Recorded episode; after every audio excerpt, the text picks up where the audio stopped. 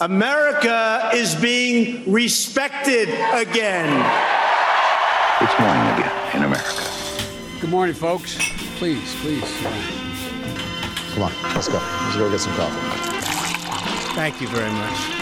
Det er fredag 11. mai, og morgenkaffen fra amerikanskpolitikk.no er servert.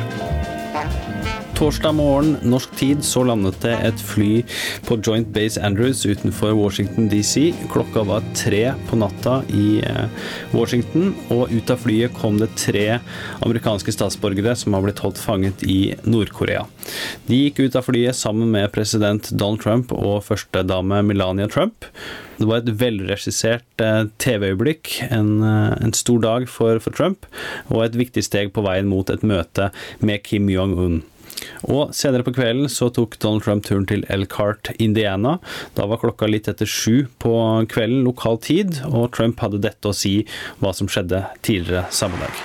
But at 2 o'clock in the morning, I had the incredible honor of greeting three brave Americans who had been held in North Korea, and we welcomed them back home the proper way. I samme tale, der Donald Trump bl.a. gikk til angrep på Joe Donnelly, den demokratiske senatoren som stiller til gjenvalg i høst, så hadde han følgende å si om datoen for møtet med Kim Jong-un. And on June 12th, in Singapore, I'll be meeting with Kim Jong-un to pursue a future of peace and security for the world, for the whole world.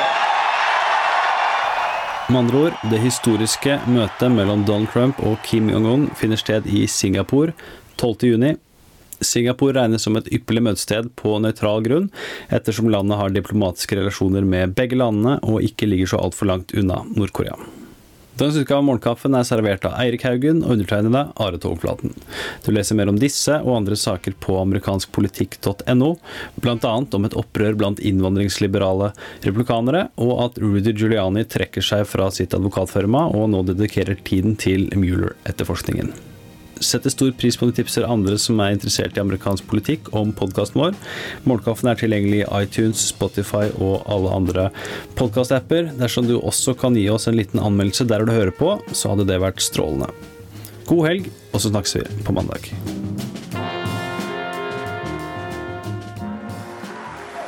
And the relationship is good.